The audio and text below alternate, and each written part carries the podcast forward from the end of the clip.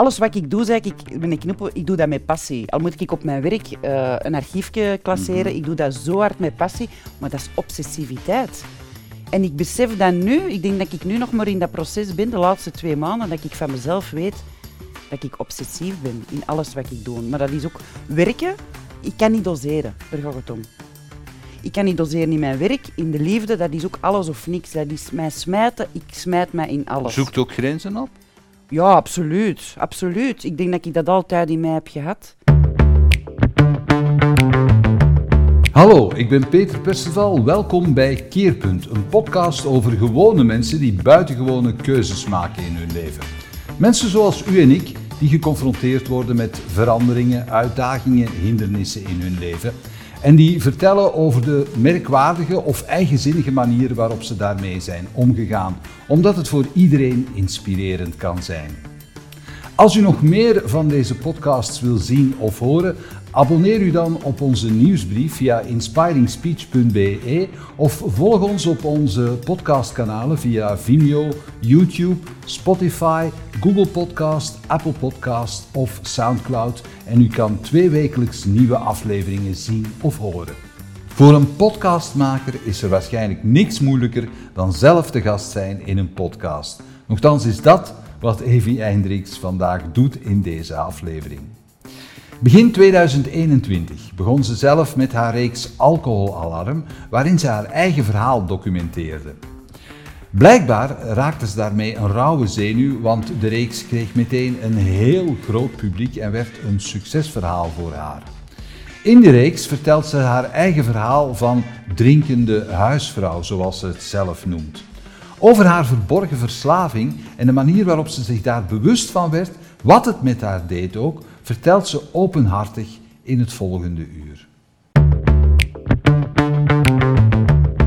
Dag Evie. Dag Peter. Hoe is het? Goed. dat was lang geleden hè, dat we elkaar nog hadden gezien. Wat zot. Ineens paden, allee, kruisen onze paden zich terug. Ja, bizar. Ja? Nuchter en al. dat, dat was ervoor niet. Nee, dat was ervoor totaal niet. dat is misschien daarom dat we terug onze paden kruisen. Ja, dat zou, dat zou heel goed kunnen. ja, ik sluit het niet uit. Maar Evie, um, voor de mensen die u niet kennen, uh, kun jij je eigen even voorstellen? Wat moeten wij weten over Evie Hendricks? Moet er niet veel gezegd, maar uh, ik ben... Uh, moet ik mijn leeftijd ook weten? Ja, ik smijt het er gewoon in. 45, 45, dus dat betekent soms dat je al op een keerpunt zit in je leven, maar bij mij is het dus letterlijk zo, zonder dat ik er naar op zoek was eigenlijk. Ik werk bij de overheid al in de 20 jaar. Wij kennen elkaar uh, van een tijd terug dat ik mijn stand-up comedy deed, die dat jij begeleid hebt. Just? 17 jaar geleden. Is dat al 17 jaar? Oh, nou, dan klink ik heel, dan ben ik helemaal oud. Dank je wel daarvoor.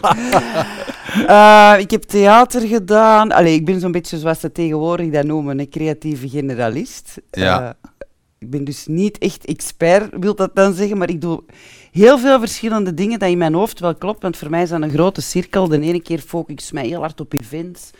Dan ben ik bezig met uh, stand-up, dan ben ik bezig met theater, dan doe ik present. Maar ja, dat ligt, dat is wel één link met elkaar. Maar de mensen net, snapt dat niet, hè? Nee, ja, je zou kunnen, als je dat negatief zegt, zou je kunnen zeggen, je verveelt je rap?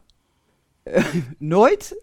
als ik nooit, ik verveel mij nooit. Nee? Nee, nee want mensen denken van, je gaat je vervelen. Ja, de uitdaging is weg. Dat is anders, dat is niet vervelen. Ja, ja, oké. Okay. Ik zoek nieuwe uitdagingen. Ja. Zo kun je het ook zeggen. Om dat positief te zien. Ja. Maar dat, ja, dat, dat is een, dit een beetje met mijn karakter natuurlijk te maken. Ik heb trouwens... Ah, ik heb uh, gisteren Sabine gezien, Sabine Bega. Ah, oké. Okay. Ja, want die was bij u in de podcast. Ja, ja, ja. ja. ja, ja over... Uh, over hoogsensitiviteit. Ja, ja. ja. Niet dat ik dat... Ik ga eerder naar HSS. Ja. Ken je dat? Dat is zo meer... Uh, want ik denk dat dat niet aan bod is gekomen toen. Nee. Dat is, uh, je gaat eerder op zoek naar die prikkels ook heel gevoelig voor alles, maar ik kan er dan nog eens bovenop naar op zoek. Dus voor mij echt tot rust te krijgen, dat is niet zo simpel. Ja. Waar moeten we beginnen Goh. met uw verhaal? Want allez, ik vraag gewoonlijk altijd aan, aan mensen van, wat, wat, was je voor iemand als je, als je 15, 16 jaar was? Wat voor iemand was ik toen? Ik zat toen op de kunsthumajora. Ik was toen heel hard zoekende naar mezelf niet, maar ik was toen ook heel veel met teksten, theater. Dat prikkelde mij van jongs af aan. Ik stond ook al van mijn twee jaar denk ik op een podium. Dat komt hè, met thuis Ja. meegekregen. Eh, ik was heel zwaar. Ik was altijd dikkertje. Deed, deden uw ouders theater? Mijn moeder heeft een bruidswinkel gehad en die deed toen in een tijd was dat zo, er werden heel veel modeshows gedaan. Ja. En dat was zo de grote shows toen nog, hè, met Mhm. alles erop en eraan, toeter, toeters en bellen. En dan ja, deden wij performance op het podium van kleins af aan. Dus theater, daar zat ze in, maar dat, dat, op dat podium staan, ja, dat is er mij eigenlijk met de paplepel ingegeven. Mhm. Ik heb later die shows ook nog gepresenteerd. Mhm. Maar ja, en op mijn 16 jaar was ik daar ook, ja, heel veel muziekacademie gedaan. Dat was eigenlijk mijn hobby. eh. en dan zo, eh, op de, Onze Lieve Vrouw Instituut, moest ik hier in Antwerpen op school. Totaal mijn ding niet. Ah, tussen de scheidmadammen gaan De dams. Nee, de dames niet. Onze Lieve Vrouw Instituut. Dat is hetzelfde principe. Ik kwam dan van... Hetzelfde Ja dat, ja, dat is echt. Ik kwam van een, ik kwam van een dorpje, gemengd, geen uniform. En ik zat daar ineens tussen... ja, die hadden zo'n regel, kende dat? Je mocht nooit langs een heilige trap gaan. Hè, Die hadden een heilige trap in dat gebouw. Behalve als het turnen was. Ja, dat ging niet in mijn kop. Hè. was er heilig aan die trap? Er stond een Maria-beeld op. en er mocht er niet af. dat dat was mijn ding niet. Ik ging daar dood. Ik ging daar Ja. echt dood. Dat was echt mijn ding niet. En dan ben ik gelukkig naar de kunstuma. Ja, dat is van het een in het ander, zeker die een tijd. Dat was, ik ben mij er gewoon inschrijven tussen de hanenkammen met mijn uniformkanaal, met mijn, met mijn sokjes toch tot onder mijn knieën. En er is dan wel een wereld voor mij opengegaan van, ah ja, dat is er ook nog. ja, dat was voor mij wel... eh, dat kan dus ook. ja, ja. Hier geen heilige trap. Hier geen heilige trappen, absoluut niet. Ja. Pas op, want mensen onderschatten dat, hè, kunsthumajora. Ze zeggen heel vaak, oh, hè, een eh maar wij hadden ook woensdags bijvoorbeeld les. Wij hebben heel veel verschillen. Wij moesten de humajora vakken hebben, Mm. plus bovenop al die andere vakken. Er kwam ook film en fotografie en van alles. Dat was echt, ja, echt mijn ding. Hmm. Ik deed dat echt doodgraag. Ja, dat was ik toen. Nu, eh, je zei een jaar geleden, eh, ongeveer een jaar geleden, hè, jij begonnen met een podcast. Ja, bijna, ja, eh 1 februari, om precies te zijn, op mijn verjaardag. En dat is, een, eh, dat is ingeslagen als een bom, ja, echt wel. mogen we wel zeggen. Ja. Ik heb, eh, ik heb het van in het begin een beetje kunnen volgen. En de, de, het, het, eh, ik dacht toen ik zag hoe erop gereageerd werd van... Amai, Evie heeft hier een rauwe zenuw vast. Uw podcast gaat over alcohol en alcohol... Ja, hoe moeten we dat zeggen? Mo- Verslaving, misbruik. Verslaving, problematisch gebruik, gewoon ook de awareness. Want het- veel mensen hebben schrik, oh nee, die gaat over alcohol babbelen, ze gaan mijn pintje afpakken. Ik ben niet tegen alcohol, hè, laat me dat duidelijk zijn. Ik Ja. hield zoveel van die alcohol dat ik zelf te veel gedronken Ja. heb, dus dat durf ik ook toegeven. Maar eh, het werd wel problematisch en ik heb dat ingezien en ik had een gevoel van, ik kan toch niet alleen zijn die dit nu meemaakt. Het heeft door de corona, want nu Mhm. ben ik, het is eigenlijk mijn, mijn podcast is eigenlijk een, een docu-soap. Mhm. Ik noem het soap, ik zeg het er ook bij, omdat ik elke keer als een stukje zeep een stukje verslaving van mij af was. En eh, ik Dus volg- we volgen eigenlijk uw, uw eigen mijn traject. proces, ja, mijn proces. Mhm. Ik ben gestopt eh, met kerstdag vorig jaar. En eh 1 februari, ik was vlak ervoor podcast beginnen luisteren, maar ja, ik zei het al, de thematiek, theater, ik heb het altijd gehad. En Zijn dacht, eigen beweging gestopt? eh, ja, daar, zullen we het zo beet even over hebben. Ik vraag het Laat nu. het- Evie, de vraag dringt zich op. Eh, stap per stap. Zo is dat ook als je stopt met drinken, Peter. Nee, nee, en ik dacht... eh, waar zat ik nou eigenlijk? Allee, waar zat ik? Ja, ik had een vraag gesteld. Nee, nee, nee, zo rap gaat het mij niet hebben. En ik dacht, weet je wat? Ik ga ik ook ga ik zelf podcast maken. De creatieve generalist in mij Ja, bracht dat naar boven. En eh, omdat ik zo'n gevoel had van... No way, no way. Ik wil mensen triggeren. Ik wil zoeken naar lotgenoten. En niet altijd in dat stoffige stop, eh, stopprogramma's die er allemaal wordt aange... Ik wil zien, wat is er op de markt? Wat kan mij helpen? En come on, ik ben niet alleen wie springt er op de kar. En dat ja het, was vooral dat gedacht waarschijnlijk. Ja. Ik, ben, ik kan toch niet alleen zijn? Ik kan toch niet. Lieg het aan mij. Was Lieg het het aan dat? mij. Ik had het boekje gelezen en ik zal direct op uw vraag beantwoorden dan. ik had het Dat boekje is kei moeilijk, hè? Zit ik hier een, ga- gast te interviewen die een podcast heeft. ik had dat niet mogen doen. Ja, ze. Maar daarbij wil ik ook zeggen, veel respect voor de gasten die bij mij komen. Hè, want het is Ja. doordat, doordat zij er zijn en door de reactie van de luisteraars, dat zijn mijn kompas in heel mijn zoektocht. Hè. Hmm. Ik wissel soms van aflevering, omdat ik denk, oh nee, ik moet eerst die stap zetten. Dus hetzelfde voor u, met uw vragen. Maar zo is dat. Dat is een Ja. wisselwerking. Hè. Dat Ja, is eh, echt zot. Maar ik was dus gestopt met het boekje te lezen van Evi Hansen. Dat was vo- vorig jaar november. En dat was zo herkenbaar. Heel vlot geschreven. Ehm, en ik dacht, dat heb ik ook. Zover zit ik ook qua drinken. Zij noemt dat niet problematisch. Ik ben nu in die fase, als je daar zit, is een probleem. Wa- wa- Wat was het dan? Hoe, hoe, hoe? Zij vertelt haar verhaal eh, over sociaal binge drinken. Er komt op top neer. Hè. Je gaat met vrienden weg, veel zullen dat wel herkennen. Je begint te drinken, je kunt niet stoppen. De rem is, Mhm. eigenlijk is gewoon je rem kapot. En als je rem kapot is, is het eigenlijk al problematisch. Sowieso. Maar op dit moment zag ik dat niet als een probleem. Dacht ik van, oh, weet je, herkenbaar. Ik ga dat ook eens proberen. Een maand stoppen. Maar zonder begeleiding, zonder trajecten, zonder whatever, weet ik veel wat. En ik was gestopt met drinken. En dan toch, op het einde van het jaar, eh, echt kapot. Ik was moe. eh, eh, eh, dat is altijd zo. Ik zeg dat altijd, die periodes voor de vakantie moeten ze afschaffen. maar ja, dat schuift dan natuurlijk op. Ik, ik heb een, een burn-out gehad. Ik voelde al die kenmerken terug opkomen, eh, maar ik kreeg precies mijn klop niet. Dat was heel raar. Ik bleef gaan, gaan, gaan. En ik ben ook tijdens de corona, ik geef dat eerlijk toe, beginnen thuis drinken. Ik heb dat nooit gedaan. Ik was altijd, ik had twee, drie jobben. Ik ging werken, s'avonds theater. Ik stond altijd nuchter op dat podium. Maar wat doe je? Je komt van dat podium, je hebt je volk, of je moet nog naar een trouwfeest, en je begint te drinken. Maar je begint rapper te drinken, hè, want je wilt op hetzelfde niveau van die mensen die tien keer hetzelfde zeggen tegen je. Je wilt, op- je wilt gewoon op dat niveau raken, want anders is er zoiets, kon huis. En ik kon echt keigoed Je wil ook zo een van die mensen zijn die tien keer hetzelfde zeggen Nee, dat wou ik niet, maar ik wou wel echt weten dat dat gaat. Eh, met een stinkende adem, dat vind ik dan nu wel. Iedereen die drinkt stinkt tegen een stinkende adem, maar zwet. Ik, dat, dat doe je gewoon. Dat is een automatisme in de zin van... Je komt pas om 11 uur op een feestje aan, je komt dan pas bij je vrienden Mm. aan. Die zitten al in een bepaalde moed. Dus ik telt daarbij op, zoals ik daarnet zei. Ik heb ook vroeger altijd heel zwaar geweest. Dus 100 kilo, dan kun je wel wat verzetten. Ik weeg Mm. er nu 60. Ja, Dat is een keuze die je heel bewust gemaakt hebt. dat is een keuze. eh, n- ja, nee, ja en nee. Ik heb eh, een gastric bypass laten doen. Mhm. Niet met het gedacht van, ik wil dat, ik heb dat nodig, want ik ben te zwaar. Want ik was eigenlijk niet zwaar genoeg, mijn BMI was te weinig. Ik heb eh, naar het ziekenhuis gegaan en die dokter zei, ja, eh, ik had een maagbreuk. Eh, die, zat in de slok, eh, in, die zat in mijn slokdarm. Dat noemen ze een sliding hernia. Als je eerst zegt een sliding hernia, denkt iedereen dat je mee zat te botten van de trap gevallen. Maar dat is het dus niet. Dus dat is, ik kreeg verstikkingsverschijnselen. Als ik bepaalde stukken vlees, brood had, dat, was, dat slipte toe. En die zei tegen mij, je hebt een gastric bypass nodig, maar je weegt te weinig.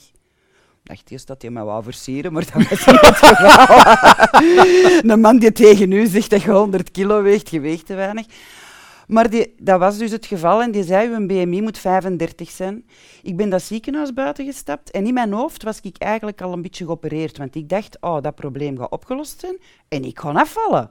Nu, voor de eerste keer in mijn leven zonder er iets voor te doen. Pas op, ik was al drie keer in mijn leven 30 kilogram afgevallen. Ja, ik wou het juist zeggen. Ja. Ik heb een van die keren meegemaakt. Ja, daar ging ook mijn eh, show over Ja, trouwens. ja. Ja. En eh, ik dacht, ja, ik heb nog drie maanden tijd. Ik ging op vakantie. Ik denk, ik zal wel bijkomen. Hey, op vakantie komt altijd bij. Ja, ik was naar Bali gegaan. ik was drie kilo afgevallen, want die eten er alleen maar rijst en nasi goreng. Dus ja, hè. Dus ik was eigenlijk afgevallen, wat niet goed was. En ik dacht, no way dat ik mij er gewoon vol vreten om die operatie te laten doen. Hè. Ja. Dus dan heb ik mijn eigen verzwaard.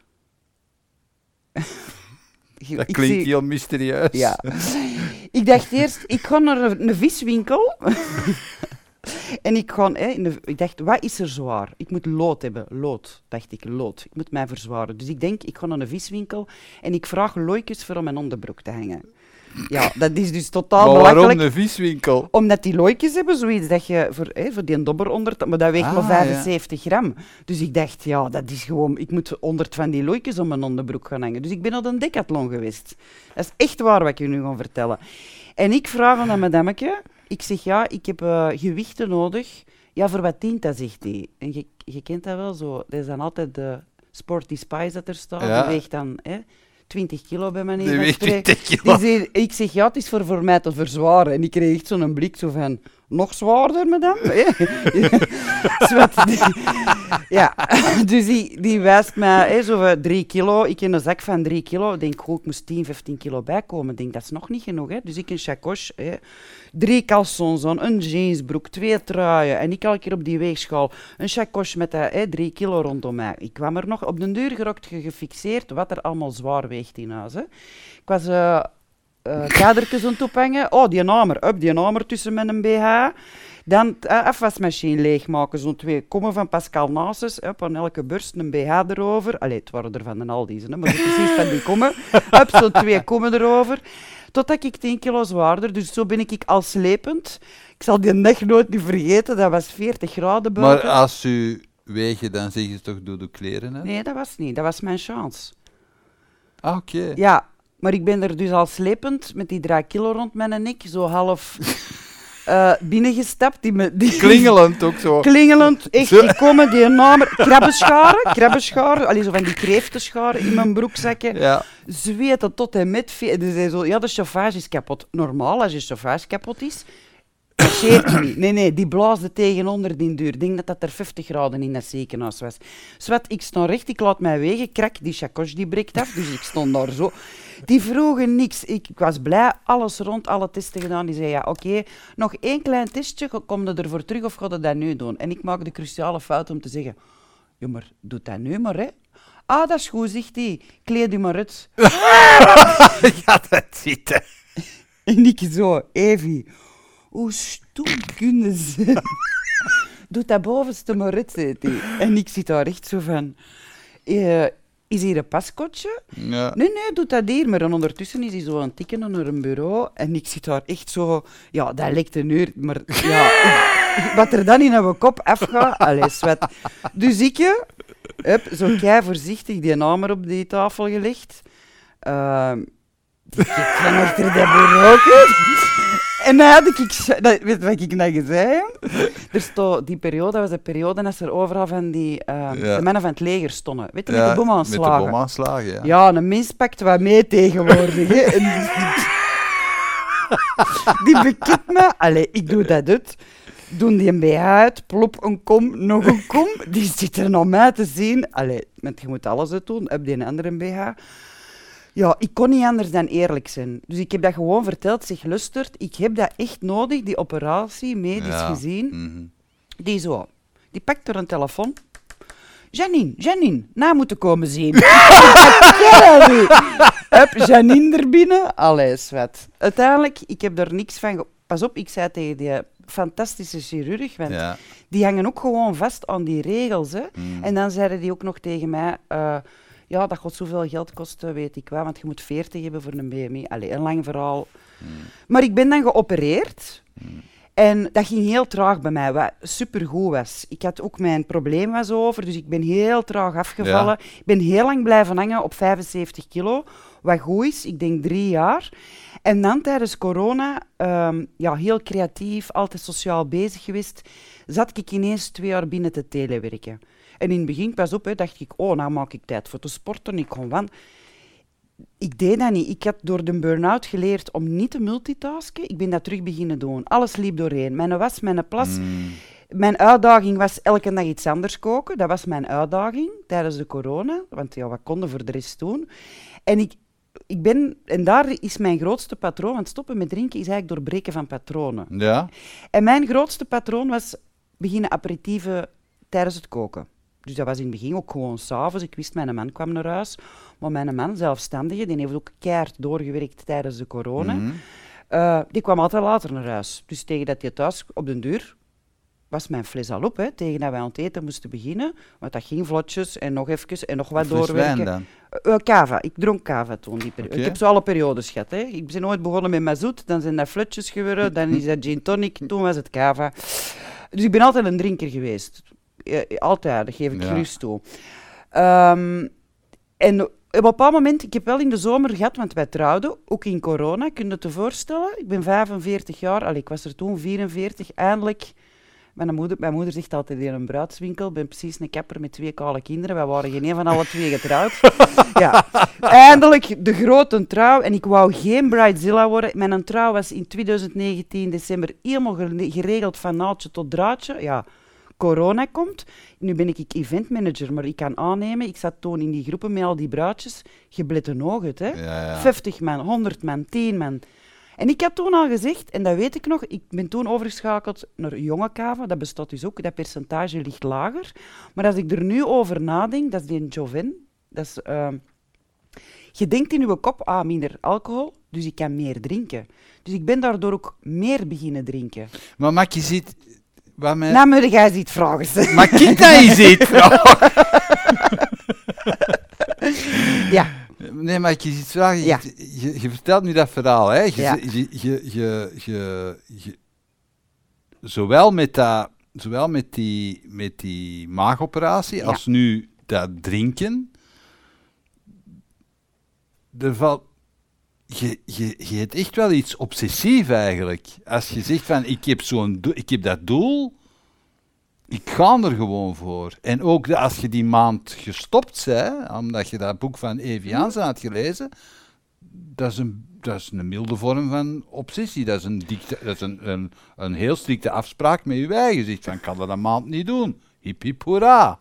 ik heb door te stoppen met drinken ontdekt dat ik mega obsessief ben. Ja, Dat ben ik nu in dat proces pas.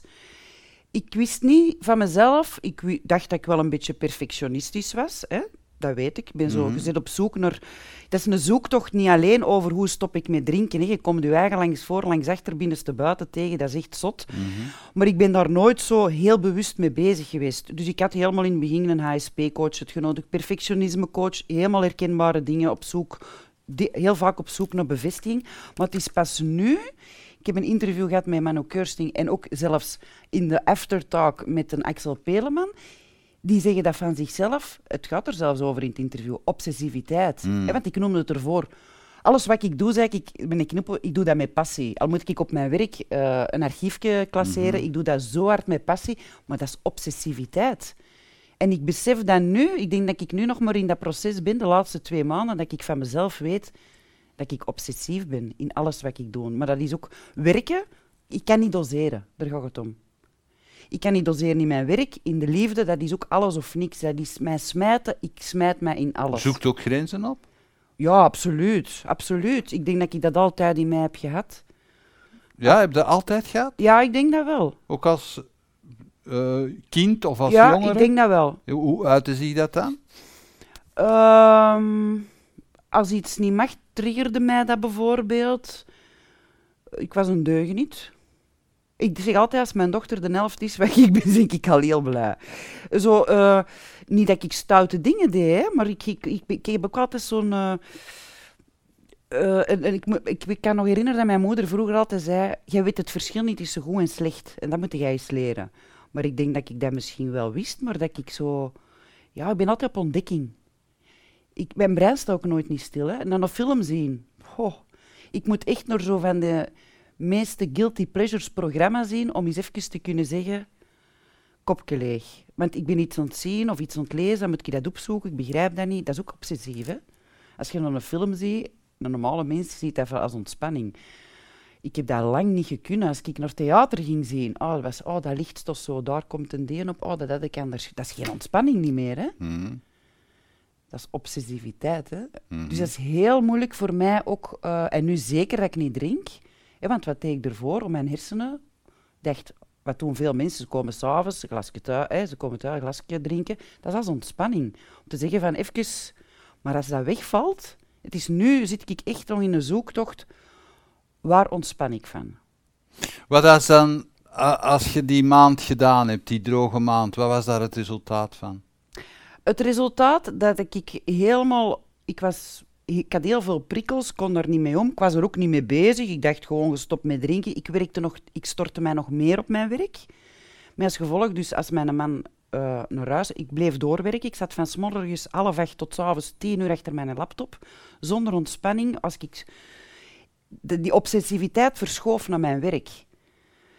Ik was overprikkeld, het minste. En dat was gewoon een klein akkefietje thuis. En ik ben terug beginnen drinken. Maar niet beginnen drinken, eigenlijk, dat noemen ze nu, een, eigenlijk was dat een herval. Ja. Ik zeg het ervoor niet als een probleem. En ik ben beginnen drinken en toen was echt mijn rock bottom moment. Ik zat, uh, dat is woensdagavond gebeurd voor kerst. En op vrijdagochtend zat ik om kwart voor acht s morgens met een glas wijn naast mijn bed. Hadden de nacht doorgedronken of waren de morgens Dat ik het begot niet weet. Dat ik het begot niet je weet. Kwam terug bij, je kwam terug bij, bij wijze van spreken, met een glas wijn naast je bed. Ja. Er is, een, er is een filmpje van gemaakt, waar ik altijd heel boos om was dat er was. Ik heb het over laatst bekeken en ik ben nu heel blij dat er is. Dat is de aanloop naar echt voor mij mijn rock bottom moment. Allee, dat is niet normaal, morgens om kwart voor acht met een... Dat deed ik ervoor niet, hè, bijvoorbeeld. Hè. Ik zat echt om kwart voor acht s morgens. Moest het denk ik niet gefilmd zijn, zou ik het niet geloven. Het is woensdags iets... Uh, iets in mijn kop geknetst en ik dacht, voort. En ik kan, donderdag heb ik gewerkt, kan ik ben dat gaan nakijken naar mijn mails. Hè. Ja. Ik ben een stuk kwijt, ook, dat ben ik nu door onderzoek ook, hè, een burn-out. Ehm, iedereen kent dat wel, die drie fasen wat je doet. Uh, het is, je hersenen bestaan uit twee. Ik kan dat heel kort. Ja, ik ken allemaal die, die, die, die juiste termen niet, die haal ik wel aan in mijn podcast. Maar op een bepaald moment gaat u, u, het voorste gedeelte van uw hersenen gaat ofwel vechten, vluchten of bevriezen. Mhm, mhm. dat, dat kennen we allemaal. Ik heb dat heel hard. Dus eigenlijk dat drinken was een soort vlucht. Maar er is ook een vierde trouwens, die dat Mhm. tegenwoordig heel hard eh, opkomt en heel herkenbaar is. Dat is faun. Dat is please-gedrag. Dat heb ik keihard. Als ik een soort... eh, als ik panikeer, begin ik soms heel hard te pleasen. Dat, dat weet ik nu allemaal. Maar als je drinkt, is dat hetzelfde. Dus als jij... Waarom kunnen veel mensen niet stoppen na twee glazen alcohol? Omdat na twee glazen alcohol is dat je hersenen, dat is echt bewezen, wetenschappelijk bewezen, dan schakelt dat ook dat eerste gedeelte van de hersenen uit. Dat is hetzelfde als met een burn-out. Je gaat vechten, vluchten, bevriezen of pleasen. Hmm. En daarom kunnen veel mensen vragen dat, ja, waarom kan ik niet stoppen na dat tweede glas? We kennen dat wel. Hè? Nog eentje, nog eentje. Dat is hetzelfde. En die twee samen denk ik dat ik toen, want die puzzel moet ik nog leggen, daar heb ik binnenkort iemand mee, eh, die dat ik er een specialist eh, ga op eh, ondervragen. Hoe zit dat precies? Die twee zijn samengekomen. Ik had super hard de knits, denk ik, voor mijn burn-out, die dat ik voelde aankomen. En ik had al een paar keer rust voorgeschreven gekregen door de dokter, Hmm. maar niet luisteren. Niet die rust pakken, blijven gaan, blijven gaan, blijven gaan. En Maar waarom bleef het dan gaan? omdat ik weet tijdens mijn. Ik heb zelfs een paar maanden geleden ook nog eens rust voorgeschreven. Omdat ik toen met mijn burn-out, ik zal dat moment nooit vergeten. Het is letterlijk zwart geworden in mijn, hoofd, in mijn hoofd. Mhm. En ik heb toen de eerste ze- zes, zeven weken gerust. Mhm. Maar dat gevoel, ik ben een heel energieke, dynamische persoon. Het gedacht van rusten, dat is niet van één, twee dagen rust in mijn bed. Ik heb gewoon schrik om terug te hervallen in die burn-out en te zeggen, oh, als ik ga rusten, wow, wow, nee, dat is niet voor even. Dat is voor lange tijd. En eigenlijk zou ik moeten luisteren naar mijn lichaam. En dat is dat obsessieve weer van, nee, nee, dat past, dat past niet bij mij, rusten. Ja, dat is... Ik ben een ingewikkeld wezen hoor. maar wij allemaal. Maar snapte? Eh, het is Ja. heel. Ik, wilde, ik wou dat niet toegeven voor mezelf. Ik wou niet toegeven, oh, ik heb hier terug een burn-out. En ik alles samen. ik Je ben- wou je eigen kwetsbaarheid niet toegeven, Ja. eigenlijk. terwijl ik ze nu, ja, nu is het ene grote spiegel hè, waar ik voor sta. Hè? Ja. Nuchter. En nu maakte, nu, nu, nu zitten, zitten dat, doet dat dan expres, je kwetsbaarheid op die manier in, in die podcast ook te Nee. kijk zetten? Nee, nee, nee. Ik zal zeggen, die podcast, dat was eigenlijk een opleiding voor mijn werk dat ik volgde. Eh, ik dacht podcast te integreren, zoals de aanloop naar. Eh, ik kon dat integreren, want eh, vacatures tegenwoordig, dat gaat tof zijn voor de nieuwsbrief. En als opleiding vroegen ze aan mij, waar zijn nu, nu mee bezig? En om direct mee over Oosterweel en over rups en prups en wat weet ik allemaal te babbelen. ik dacht, ik- Ah, heel interessant. ja, nee, ik kan die mensen dat ook niet aandoen. Ik ga niet een, een, een projectje doen waar ik nu mee bezig ben, stoppen met drinken. En de, die docenten, Lopke, die dat mij eh, dat interview, we gingen oefenen, die zei... ja, die wist wel dat ik presentaties deed, maar ja, die had niet verwacht dat dat vlot ging. Die zegt, deze moet jij online zetten. Jij zit niet alleen met, dat met die problematiek, maar die- hier moet jij mee verder. Diezelfde week is ook mijn schoonmoeder gestorven. Ik heb die begrafenis geregeld. Alles kwam bij elkaar. En ik heb, dat online, ik heb dat online gezet. Twee dagen later is die gestorven. Ik heb er, en de krant is daarop gesprongen en we waren vertrokken. En ik kreeg daar zo waanzinnige reacties op. Want ik zeg dat trouwens, denk ik, in dat eerste interview, als oefeninterview. Oh, als er twee man, 22 man, we zijn het jaar 2020, 22 man lustert, zal ik al heel blij zijn. Maar dat was niet het geval. Hè. Dat was direct... Ja, en dat gevoel van, ik doe hiermee verder, is een soort van sociale controle voor mezelf op, op te Ah, bouwen. mhm. Want in februari, je mocht het gerust weten, was ik nog aan het telewerken. Hè. Heel de wereld was uit lockdown, maar ik was nog aan het telewerken als ambtenaar. Hè. Hmm. Mijn tweede aflevering, want soms denk ik, oh, dat is niet meer relevant. Ik haal die offline, dat was eigenlijk een oefening op... ehm oefent ook eens buiten uw eh, studio. Doe, dat was dat. En ik dacht, ik rij naar Brussel, ik werd er depressief, ik zat er in een foute film in een gebouw van 1200 man waar niemand rondliep. Ik liep er alleen. Ja, Armageddon. Ja, dat is ook griezelig. Dat was vies gewoon. Ja, dat is ook griezelig. En ik, ja, ik zal me nog herinneren, ik zat met, toen met mijn microfoon hier zo in de auto, want ik had toen zo nog zo geen vlinderdes. Maar allee, zat, je moet maar eens luisteren naar die aflevering. Ja, Anyway. iedereen. Iedereen moet maar eens luisteren Ja. naar die aflevering. De, eh, ik ga eens even terug naar dat, naar dat filmpje.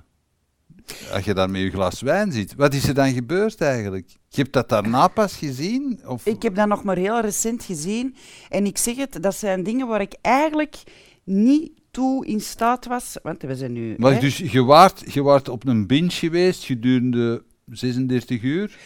I- Ik heb geslapen. Ik had ook niet meer gegeten sinds die woensdagavond. Denk eraan, hè. Gastric bypass. Ja? Niet meer gegeten. Ge- Ik heb ook niet veel niet meer nodig. Hè. Soms heb ik maar twee glazen nodig en ik ben potto. Hè. Ja. Maar echt potto. Om, ook omdat eh, een gastric bypass, die slaagt heel die weg van dat vertering over. Dat gaat rechtstreeks naar mijn bloed. Ja. Dus ik heb ook niet veel nodig. Ik ben op dat moment geraakt, ik ben gaan slapen. Ik ben er wat doorgekomen. Mijn ouders zijn me komen halen. Het was kerstavond. Ik zei slapen, slapen, slapen. Dat kan ik mij nog herinneren. Ik moet slapen en... ehm, kom aan, pakjes open doen. Die kwamen altijd wakker maken. Nu een voorgerechtje. Goed bedoeld allemaal. Maar dat ging niet meer. En ik heb toen gedronken. Niet veel. En ik ben s'morgens wakker geworden en ik heb een paniekaanval gekregen. Maar Mm. niet- En ik had ervoor al tegen mijn ouders gezegd, maar die hebben dat nooit gezien. Ik heb de laatste jaren paniekaanvallen s'nachts. Ook door drinken waarschijnlijk. Hè. Ik zat ook binnen, meer dan goed voor, voor mij is. Mhm. Je kunt zeggen, ja, maar jij hebt een gezin, je hebt kinderen, dat is waar. Maar die komen thuis van hun werk, van hun school, die komen thuis, die willen rust. Die hebben in die drukte gezeten, het zijn rare tijden geweest. Mm. Dat was precies of ik zat in de Begaanenstraat, in het gevang, en ik kreeg bezoek en die wouden niet met mij babbelen. Want die wouden rust, die wouden eten, die wouden tv gaan zien, die wilden op hun kamer zitten. En ik voelde mij zo verloren. En toen ook dat gevoel, ik zal dat nooit niet meer vergeten. En ik ben dat toen beginnen wegdrinken. Ik voelde mij niet geapprecieerd. Dat is eigenlijk, het om. Ik was de verbinding kwijt. Mm. Thuis, op mijn werk, maar ook met mezelf. Mhm. De enige verbinding dat ik had, was met Ja. die... Want dat zeggen ze ook, hè. Was tegen, tegenovergestelde van een verslaving. Meesten zeggen, ja, nuchter leven. Nee, dat is verbinding. Ja. En die was ik totaal kwijt. Dus ik heb 's morgens een paniekaanval gekregen. Die hebben de dokter opgebeld op kerstdag. Die heeft mij een Temesta gegeven. Maar ja, ik had ik al niet meer gegeten een paar dagen. Ik had ik wat gedronken. Dan een Temesta erop met die bypass. Ik heb al dikwijls van de wereld geweest, maar dat was een feestje, daar wilde niet bij zijn. Hè. Mm. Dat was echt niet goed. Die hebben mij afgezet op de paasafdeling in Duffel. Dat was mijn grootste shock van mijn leven.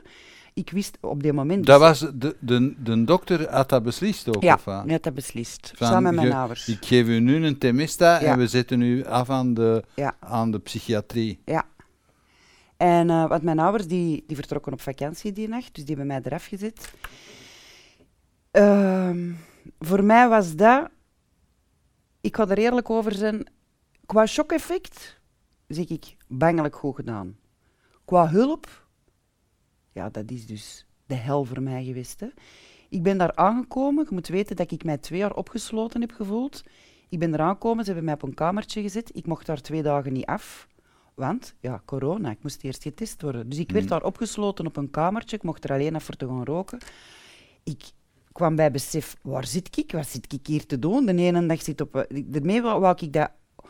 Ik ben nu pas op het moment dat ik dat kan vertellen. Hè. Ik heb dat in mijn podcast, dat gaat nu ook nog maar pas, ben ik Mhm. aan de fase, dankzij wat ik leer van mijn gasten, van mijn luisteraars, van een blog dat iemand deelt, kan ik tot dat moment komen. Ik heb dat altijd, ik was niet toe, want dat is, ik heb nu de laatste aflevering, spoel eens terug in uw foute film, met uw special effects. Waar zit jij? Maar als mensen daar niet klaar voor zijn, moeten ze dat ook niet doen. Dat zeg ik er ook bij. Ik ben nu op die fase dat ik erover kan praten. Pas op, die mensen van de zorg daar, chapeau, ik zet mijn noot ervoor af, want die verpleegsters moeten opvangen wat er tekort is aan zorg. Mhm. Ik heb dat al eens aangekaart 15 jaar geleden in de P-magazine. Maakte geen illusies, niet als babe. Ik stond erin als comedian. Maar ik heb daar dat artikel ooit aangekaart van er is problemen in de zorg onder bemanning. Ik kreeg daar gewoon te horen, sorry, psychologisch er niet, die is op skivakantie. Dat wilde niet horen, hè. Als je juist een paniekaanval hebt gehad van te drinken, dat er die een dokter in de bergen zit, snaps te drinken, dat wilde niet weten, hè. Eh, maatschappelijke assistentie was er ook niet. Dus het enige wat ik er mocht doen, was kleuren. Een half een uur per dag kleuren. Met all due respect. Hè, mijn ouders, ja, je zit er, ik pak die hulp aan. Maar hier is geen hulp. Ik moet hier weg. Plus prachtige, allez, prachtige mensen, lieve mensen die mij er wilden opvangen. In die, je komt in zo'n soort zorgwoning. Dan. Ja, ja, ja. Maar daar liep, die voelde dat ook. Ik zat daar niet op mijn plek. Hè. Dat was not the... En ik kan aannemen dat dat voor sommige mensen echt goed is. Als dat voor u, u helpt, ik heb daar twee vrouwen zien rondtartelen, die kwamen er helemaal op hun plooi tot hun rust. Voor mij was dat not the place to be. En daar heb ik eigenlijk in mijn kop beslist van, hier moet ik iets mee. Dit kan niet. Dit kan iedereen overkomen. Ik ben iemand die keihard werkt, elke, en dan komen de, dan door de podcast, als je de getuigen, de anonieme en zowel... Ik heb een dame die bij de bank werkt, werkt een bankdirectrice. Ook zo'n verhaal, hè. Zij heeft ergens anders zorg gekregen, haar laten opnemen. Prachtig verhaal, hoe dat hij dat vertelt, haar laten helpen, wel op de juiste plaats. Ja. Maar daar was voor mij... Nee, nee. En uw partner, uw man?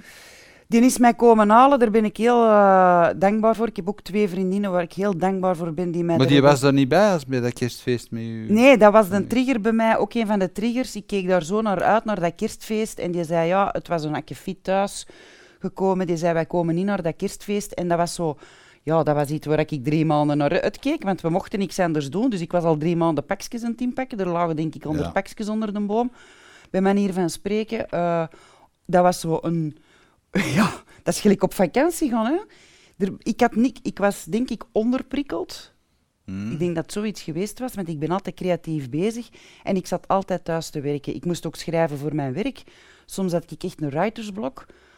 De- ja, er komt niks binnen hè, bij mij.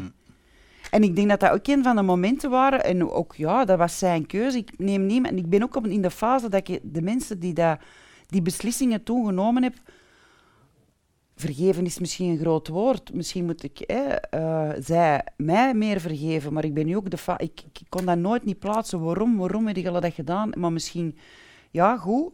Ik heb daar de inspiratie en uiteindelijk, als ik het achteraf zie, de, de klik gemaakt van dit kan niet. Dit is echt het laagste. Voor mij was dat het laagste van het laagste. Terwijl dat niet is, hè, laat me dat duidelijk stellen. Hè. Voor heel veel mensen is dat een hele goede hulp, maar niet voor mij. En dan ben ik door de podcast te beginnen gaan zoeken. Ik ben daar wel doorverwezen naar Emergo. En dat wil ik ook zeggen, Emergo, fantastische organisatie. Die komen aan huis. Hmm? Dat is een, eh, dat, die zitten verspreid overal. En die komen aan huis voor heel zware drinkers, want er zitten verschillende gradaties, komen die dagelijks. Bij mij die zijn komen babbelen. Dat is eerst een psycholoog, een dokter. Die zijn wekelijks gekomen. Die voelden direct, oh, die heeft de zelfreflectie om te zeggen, ik ben hier niet goed bezig. Hè. Die, zit al, allee, die zit niet zo ver. Dus die kwamen wekelijks. En weet je wat die bij mij gingen doen? Die gingen met mij wandelen en babbelen. Dus die kwamen wekelijks. En dat heeft mij geholpen. Die hebben ook gezegd, ga eens naar AA. Ik ben ook naar een AA-meeting gegaan. Ik ben ook zo bij andere coaches terecht. Dat is eigenlijk dus... Ja, ik tuimel van de één interessante contact in de Ja. andere daardoor. En er is zoveel op de markt. En daarmee wil ik zeggen, met een podcast alleen van mij gaat er niet komen. Dat is een schoon ondersteuning. Met een boek lezen alleen gaat er niet komen. Maar er zijn interessante boeken, hè, zoals bijvoorbeeld eh, Drinkt u iets. Dat gaat niet alleen over alcohol, dat gaat over... ehm, hoe is dat bij een psychotherapeut? Veel mensen is die drempel nog groot. Maar zoek die hulp. Pak die met twee handen aan. Dat is er allemaal. En dat is waar, er zijn soms ellenlange wachtrijen, maar er zijn ook coachingprojecten van acht weken. Bijvoorbeeld Lou, die nu in mijn uh, programma komt. Maar dat is al een fase verder, hè, in je kracht staan. Maar er is zoveel, want mensen denken ook alleen, oh, alleen AA, je hebt ook SOS-nuchterheid. Mhm. Er is zoveel, maar laat u helpen, doe er iets mee. Doe er iets mee, want alleen je ziet dat ook heel veel mensen hervallen en blijven hervallen. Een herval is niet fout. Hè? Dat Ja, maar je moet eerst nog beseffen dat je probleem hebt. Ik bedoel, dat, Ja. dat, dat, er begint wel iets mee. Het is, het is, het is allee, alcohol is een... een we, zi- we zitten nu in die, in die discussie over de war on drugs. Hè, en er wordt, er, wordt, eh, er wordt vlotjes over gegaan. Maar alcohol is wel een, een sociaal aanvaarde drug. Daar zit heel de problematiek. Want in een Belg, en dat is gewoon zo, komt, hè, overal waar je komt, want ik, ik merk dat ook, hè, waarom drinkt je niet? Je moet je altijd verantwoorden. De, de restaurants, ik zeg het altijd, die mee zijn met een trend, die hebben schoon al alcoholvrije alternatieven, want er is meer en meer vraag naar.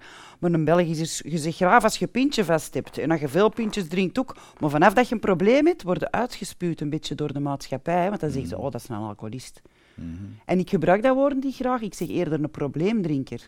En eh, je zet dat niet, je hebt dat probleem. Maar ik ben, want ze blijven altijd zeggen, je zet dat voor de rest van je leven. Daar ben ik, daar ben ik een zoektocht nog mee bezig, waarschijnlijk wel. Maar veel mensen nu rem is kapot. Want nu dat ik nuchter ben, hè, zie ik heel veel mensen rondom mij dat ik denk, oh, pas op, in, bijvoorbeeld ook overlaatst vroeg er iemand in de groep en die zei, we hebben zo'n Facebookgroep, een community die elkaar enorm ondersteunt. Dat is niet een dat is echt een, ik weet niet, een toffe groep. En dan zei een dammetje van, oh, maar ik heb geen probleem, want in de week drink ik niet, het is alleen in het weekend en ik heb dan altijd een bras met mijn man. Ja, dat is een probleem, hè. Dan heb je ook een probleem, hè, want veel sociale binge-drinkers drinken heel de week niet. En hoeveel apero's zijn er niet op vrijdag? En dat is om te drinken. Die rondjes kunnen niet rap genoeg gaan. We weten dat dat tien keer erger is voor je brein dan dat je dagelijks twee glazen drinkt. Dat weet ik nu. Dat wist ik ervoor ook niet. Ja, er is toch zo, er is ook zo'n checklist van, ik weet niet hoeveel vragen dat juist zijn. Ik denk 30 of zo, 30 vragen. En als je, Maar je moet zelfs als je, die die, checklist afga, niet als doen. je die afgaat, dan zie je inderdaad pas van, oei, misschien is dat echt wel een probleem. Het is heel Ja. simpel. De- zijn de gevolgen daarvan problematisch? Al is het maar je werk 's morgens afbellen omdat Mhm. je een kater hebt. Ja, dat is niet oké, hè? Maar is dat niet juist het, allee, wa- waarom ik dat, dat nu haal, eh, aanhaal, dat dat een sociaal aanvaarde drug is, is dat niet juist het, het, eh, eh, een groot deel van het ding, is dat dat, dat, dat heel erg toegedikt wordt. Natuurlijk. Niet alleen op maatschappelijk vlak, maar ook door mensen die dicht rond u staan. Maar ik heb ervoor heel dikwijls aangehaald ah, bij vrienden online. Hè, dat we- alles was online bij mij. Ik weer er turelut van. Op de deur was mijn yoga ook online. Maar ik zei dat ook aan de telefoon thuis. Ja, ik ben een beetje te veel aan het drinken. En hoeveel reacties dat ik niet gekregen kan men dan nog... Ja, maar we zijn dat allemaal nou wel een beetje aan het doen. We mogen nog iets hebben. We mogen nog iets hebben. En nu, nu soms nog van... Ja, maar wa- was dat echt zo'n probleem bij u? Ik zie mensen... Ja... Maar is dat niet omdat ze dan... Kijk, dat vind ik nu interessant. Is dat niet omdat ze dan... Als jij zegt van, ja, dat was echt een probleem, dan moeten ze ook wel kijken naar hun eigen zien. Ja, dat is, als dat bij Evie een probleem is, dan is dat bij mij ook een probleem. Ik heb mensen die gewoon vlak af zeggen, ik durf niet naar uw podcast luisteren, omdat ze Mm. weten. Dat is een grote spiegel dat je voorhoudt bij mensen. Ja. Hè? Dat is een grote spiegel. Hè? En het is ook zo, maar overal is het zo sociaal aanvaard. Want laatst zei iemand, dat vond ik ook heel interessant, van... eh, ja, mijn zoon, die drinkt. Ja, maar madameke, wat staat er zelf op de voetbal te doen als je met je zoon... Hè? Want, en overal hangt er reclame... Hè?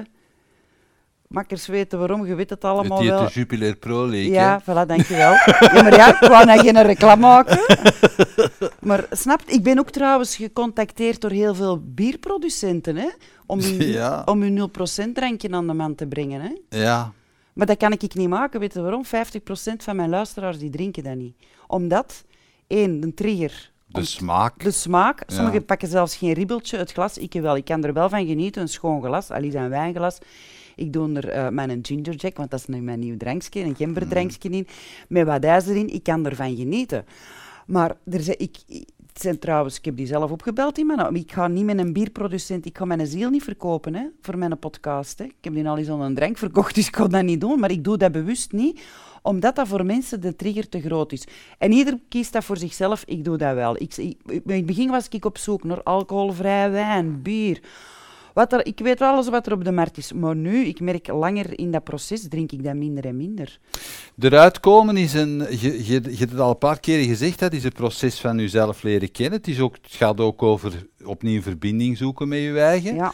Je komt heel veel tegen dat je niet leuk vindt. Wat doe je daarmee? Ehm, dat probeer ik stap per stap te benaderen. Eh, en dat een Kun je plaats... een voorbeeldje van geven? Ehm, dingen van mezelf dat ik niet leuk vind, dat is nu nog maar... Dat is bijvoorbeeld dat obsessieve, Hmm. dat perfectionisme. Dat is... eh, ik, ja, lockdown. Zeg, we waren nog maar lockdown 3 en ik had al vijf keer mijn kassen van binnen en van buiten niet allemaal eh, gesorteerd per kleur. En eh, je moet weten, we hebben 52 ingemokte kassen in ons living. Hè? ja, voor mijn huisgenoten is dat niet tof. Probeer dat een plaats te geven, maar ook wel... Ik, ik ja, ook maar dat je zegt, mezelf. dat is zo'n uitdrukking, Evie. Ik probeer dat een plaats te geven. Dan wil ik, ik weten, Ja. wat wilde daar nu mee zeggen? Peter, dat is- geeft mij die tijd om... Ik ben dat zelf nog maar aan het on- ontdekken. Ik probeer dat te milderen, ik probeer dat te zeggen. Probeer het minder obsessief. Dat is niet... Oh, ik ben obsessief, morgen ben ik dat nu niet Maar meer. waar komt het vandaan? Weet het dat? Kun je dat voelen? Ja. Kun je voelen waar zoiets vandaan ja, komt? dat komt alles, denk ik, met, met de jeugd. Je wilt alles te goed doen, please-gedrag. Eh, ja, ik weet, ben, ben dat proces nog aan het uit, verder aan het uitdiepen. Maar dat alles, alles is herleid naar... Het begint bij de geboorte, hè. Hmm? Een verslaving begint ook bij de geboorte. Ik ben ook altijd een duimzuiger geweest. Hmm? Ik heb dat tot mijn 32 jaar gedaan. Dat is niet oké, hè? Hmm. Dat, allee, ik bedoel, dat zijn, dat zijn stappen die ik nu nog in mijn proces aan het zetten ben. Hè. Dat, ik ben nu nog maar naar mijn... Ik zeg het, gelijk een foute film die je terugspoelt. Ik ben naar dat moment gegaan, wat was mijn rock bottom. En ik ben nu nog aan het graven, dus ik zou zeggen, blijven luisteren naar de podcast. het zal wel eens boven komen, dan zal ik op Ja. die vraag, maar het is graven, graven, graven. En mensen zeggen, joh, maar je moet het verleden loslaten. Dat was ik vroeger de eerste om dat te zeggen. Maar soms moet je eens durven facen naar dat verleden om terug nu te kunnen leven in de presence. Je moet ook niet te ver vooruit lopen, hè? Ja, maar dat is, dat is bijvoorbeeld fascinerend in het, eh, in het stappenprogramma, dat we niet zo zullen noemen. Dat is... eh, Ja, maar je, je mag dat nog. Dat maakt niet ja, eh, officieel mag dat niet, hè? Nee, nee, je moet niks noemen, maar ik wil maar zeggen... Maar dat maar stappen... dat is, dat is fascinerend, omdat een van de belangrijke stappen is dat je kijkt naar je wrok. Hè? Ja. Dat je daar een inventaris van gaat Ja. maken, van je wrok. En de vraag die daarop dan gesteld wordt, is van, wat was uw aandeel daar eigenlijk in?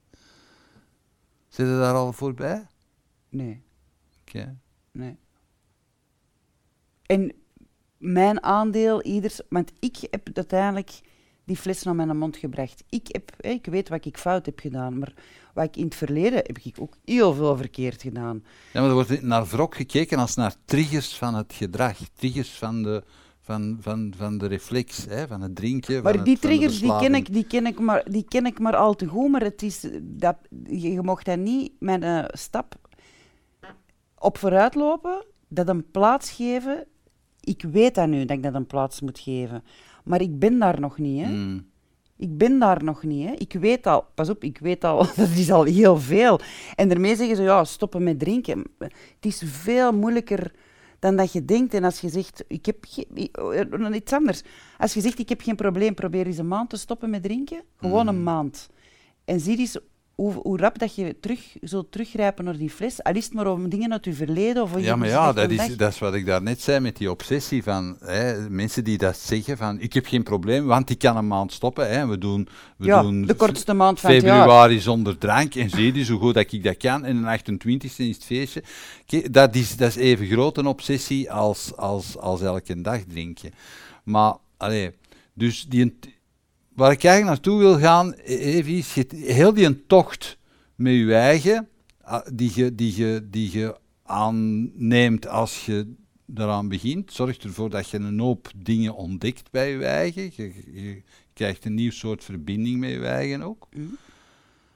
Maar het is natuurlijk ook dikwijls grote kuis in uw omgeving. Absoluut. Hoe gaat het daarmee om? Dat, ik heb al grote kuis gedaan, halflinks noem ik dat. Met, met, met die, met die burn-out is dat sowieso. Dan, omdat ik een heel brede... Ik vond altijd fantastisch veel vrienden hebben. Dat, dat, dat dacht ik. Keep the circle small, heb ik toen al Mhm. geleerd. Corona heeft er dan nog een, een beetje bij gedaan. Ja. Ik denk dat dat voor iedereen telt. En nu merk je dat ook. Ik ben ook niet meer de, de gangmaker, de feestvierder. Ik ben een andere persoon nu. Hè.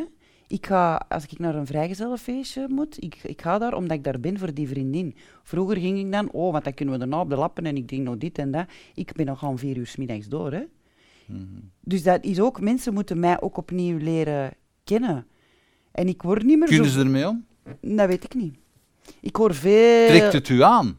Of dat ze ermee om kunnen? Nee, dat niet. Ik trek het mij wel aan om eh, van zo... Allee, pff, de nieuwe... Ik, ik ben zelf nog zo in mijn zoektocht dat ik ook bewust wegblijf op bepaalde sociale gelegenheden. Omdat ik er geen zin in heb. En dan kunnen de vraag stellen... Ik stelde mij over laatste vraag. Ik voelde mijn eigen echt arrogant. Het was zo een braderij waar ik vroeger dan hè, stond met een man daarvoor te werken. En nu kon je er eens gaan ontspannen. Maar je weet dat ook, een braderij waar je weet wat dat, dat is leuk tot een bepaald moment, maar daarna is dat niet meer leuk. En nu zeker, iedereen komt met zijn zatte botten vertellen, maar goed bezig, maar graaf. Maar dat is heel goed bedoeld, maar ik wil daar, ik wil daar weg. En dan voel ik mij arrogant om te zeggen, ja, ik hoor daar niet thuis. Van? Maar ik heb, dat is eigenlijk een spiegel, hè, want ik heb daar zelf zo gestaan. Hè. Ik was de eerste om daar, om daar Maar te staan. je kunt het je eigen bijna niet permitteren. Allee, je kunt het je eigen bijna geen toelating geven om dat gevoel te hebben, zie je nu. Hè? Van, ik voel zo- mij bekend arrogant van dan te denken van, Je zie, ik wil ook dat moeten leren. Ook dat Ja. moeten leren. Dat is ook van... Spreek mij binnen drie maanden dat je weer een andere... fa- Wat zeg ik? Spreek mij binnen twee weken. Want mijn podcast komt om de veertien dagen uit. Die Mhm. gaat zo in een andere richting. Ik, kan, ik ben heel jaloers op podcasters die drie, vier maanden op voorhand kunnen opnemen. En dat is gewoon eens plannen. Ik kan dat niet. Hè. Ik kan mij niet zeggen... Daarmee ben ik ook met een in- en een outro. Omdat ik een beetje vertel hoe dat ik mij voel. Ik kan nu niet opnemen... Maar dat maakt het ook een hele goede podcast, omdat het super persoonlijk is. Het is heel persoonlijk en Ja. echt een documentaire. Hè? En Ja. het, het is echt een proces. En binnen drie maanden zal ik misschien zeggen: Oh, maar die omgeving, dat trek ik mij eigenlijk al niet meer aan. En ik blijf er gewoon van weg en ik laat mijn mannen. Dat kan ik nu nog niet. Nu wil ik zo nog een beetje manifesteren en zeggen: Zie, dus ik kan dat. Maar hoeft dat? Moet je daar overal bij zijn? Moet je daar zijn? Ik, heb, ik vond het al heel sterk ja, van mezelf dat ik op, gezegd heb op voorhand met die vrijgezellen hoe hartzeer dat mij dat ook deed voor mijn vriendin. Ja, ik ga om vier uur de waterbus terug naar huis pakken en ik vertrek. En daarna was ik er kei trots op voor mezelf. Moesten mij dat drie maanden geleden gevraagd hebben, dan zag ik zo, nee, ik zal wel doorbijten. En ik ben heel blij dat ik niet gegaan ben. Hmm. Ik ben heel blij dat ik niet gegaan ben. Mhm. Omdat de triggers nog te groot zijn. Hè. Ook pas op, hè, de verleiding is er nog. Hè. In Ja, de ik zin ver- van, ik, zou mij, ik erger mij dan. Hè. Ik zou mij niet laten verleiden om te drinken, maar ik begin mij, ik word rapper moe. Hè, je wordt rapper moe, ik begin mij aan mensen te ergeren en dat vind ik gewoon niet leuk. Mhm. Omdat ik dan ook mezelf niet ben. Nee. Dat wordt Nee, lastig. Nee, ik- ja, ja, ik kaart het even aan, omdat er ook zoiets bestaat als codependency. Hè. Dus eh, er zijn, er zijn mensen in uw omgeving eigenlijk die mede afhankelijk zijn van uw verslaafd gedrag. Ja, want mijn papa drinkt bijvoorbeeld nog altijd. Daar heb ik het heel moeilijk mee. Mhm. Ik, wij gaan, als wij daar op bezoek zijn... ehm, ja, en wat ik heel... eh, dat heb ik dan gisteren nog maar ontdekt, hè. Ja. Nu, ervoor, wat deed ik dan? Als die reactie er waren in de periode dat ik nog dronk, hier hebben we het weer, fight. Ik ging daar tegenin, ik werd verbaal vluchten. Ik heb een tijd gehad als ik er kwam dat ik gewoon mee begon te drinken. Ja. Eh, of dat ik begon te pleasen van dat hem maar niet te kwaad wordt. Hè? Want ja, hij kan zo ineens een moment krijgen dat hem zo wat ambetant wordt. Dan begon ik te pleasen. En nu bevries ik elke keer. Dus nu, als ik, gelijk gisteren, ik bevries echt in die situatie als ik daar kom. En ik, heb het, ik, ik ben van de nacht ook er ziek van geweest. Ik ben er lastig van geweest. Ik, dat ik denk, waarom, waarom doe ik mezelf dan nog aan om daar nu mee in confrontatie te gaan? Hij is jaren altijd verslaafd geweest. Ik heb dat niet anders geweten. Eh, ik kijk er nu ook do- door een andere bril. Ik kan het ook een beetje plaatsen waarom hij het doet.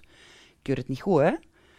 Maar eh, ja, Maar je ziet dat, som, je ziet dat, dat, dat ik ken nu het verhaal van uw vader niet. Maar je ziet dat mensen die, die, die de, een probleemgedrag vertonen, of dat dat nu met drank is, of met chocolade, of met weet ik veel wat, dat daar mensen rond zijn die eigenlijk dat gedrag in stand houden, bewust of onbewust, maar voor hun eigen voordeel, durf ik zeggen. Eigenlijk, ja, belang een beetje, omdat ze daar toch wel iets uithalen.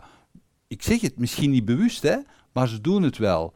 En dus als jij stopt met, met je gedrag, of dat dan is met overmatig kopen of chocolade of eh, achter ik weet niet wat zitten, dat, dan eh, gaat die mensen hun verantwoording voor hun gedrag ook weg.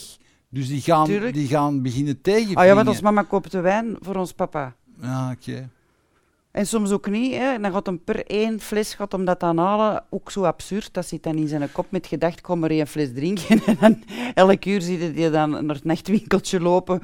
Eh, of mijn moeder brengt dat ook gewoon mee. En zij, zij, dat, dat moet verschrikkelijk zijn om ermee te leven. De- ik, ik, ik kan nu ook beter en beter begrijpen... eh, Zie je ook wat voor kringen dat dat in uw Ja. gezin heeft gemaakt? ja, absoluut. Ja. Ja. Maar dat is iets waar ik, en ik haal dat in de podcast ook niet te veel aan, want ik heb het er niet omdat ik het er alleen moeilijk mee heb. Ik vind het ook belangrijk om mijn omgeving daar. Dat is een keuze die zij maken. En ik, wij hebben alles geprobeerd hè, om mijn papa te laten stoppen en ook de spiegel voorgehouden aan ons mama van hè, alle twee. Maar dat is een, hun proces en die laat ik daar echt buiten. Ik, werk, ik leg echt de focus hier bij mezelf. En ik weet van waar het komt. En ik weet ook dat de verslavingen deels erfelijk zijn en waarom. En dat die verslaving er bij mij al lang... Dat is van het een naar het ander, denk ik, dat ik heel mijn leven een verslaving wel heb, heb, heb, heb gehad. En er zijn veel verslavingen. Je hebt ook koopverslavingen, hè. je hebt van alles. Hè. Mhm. Maar ehm, ja, ik, ik zie dat en ik weet dat, maar dat, daar moeten ze dan zelf een podcast over maken, denk ik dan. Ja. Ja. Ik ben nog niet in die fase om dat... Pas op, hè, in mijn hart...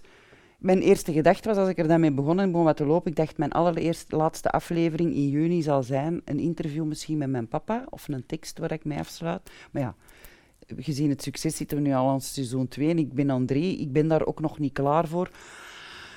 Luistert hij er zelfs naartoe? Dat weet ik niet. Daar wordt niet over gesproken, ook niet. Dus Zeg- snapte, er wordt Hm. ook nog niet over... Ja, sorry dat ik je onderbreek. Nee, nee. Je hebt zelf kinderen. Ja. Hoe, hoe, hoe reageren die? Eh, ja, die is mijn dochter. Daar ben ik heel... eh, dat maakt mij ook sterk Hoe natuurlijk. oud zijn die? Mijn dochter is 13 en mijn pluszoon is er 19. Oké. Die zijn alle twee heel trots. Ik krijg heel vaak, en dat is heel hartverwarmend, zo'n berichtje van mijn pluszoon. Amai, kei chic. Eh, eh, ja, die, hebben, die, die kende mijn pluszoon, ben daar vier jaar mama van. Eh, die heeft mij ook van de vrolijke, eh, die van alles aan het organiseren en bezig zijn, tot de wegkwijnende telewerker gezien. Eh, dus die is heel trots. Mijn dochter zegt dat ook, maar ja, die zit zo in de fase, die is een puberen. Mama, op Instagram, ik kan dat niet liken, en dit en dat. Dan maar die vindt dat ook allemaal, ik weet niet hoe tof wat ik doe. En de gasten ja, dat ik dan krijg, daar is ze heel trots op. En het proces natuurlijk ook. Hè. Hmm. Want ik heb de, mijn podcast uitgekomen de 1 februari. Ik zei, dit is een cadeau aan mijn vrienden. Ik doe, elk jaar deed ik een Mhm. feestje. Mhm. En uiteindelijk heb ik toch een feestje gedaan, drie maanden later, met een vriendin van mij, een heel goede vriendin. Nuchter, en de rest dronk allemaal wel, dus dat was een hele grote uitdaging.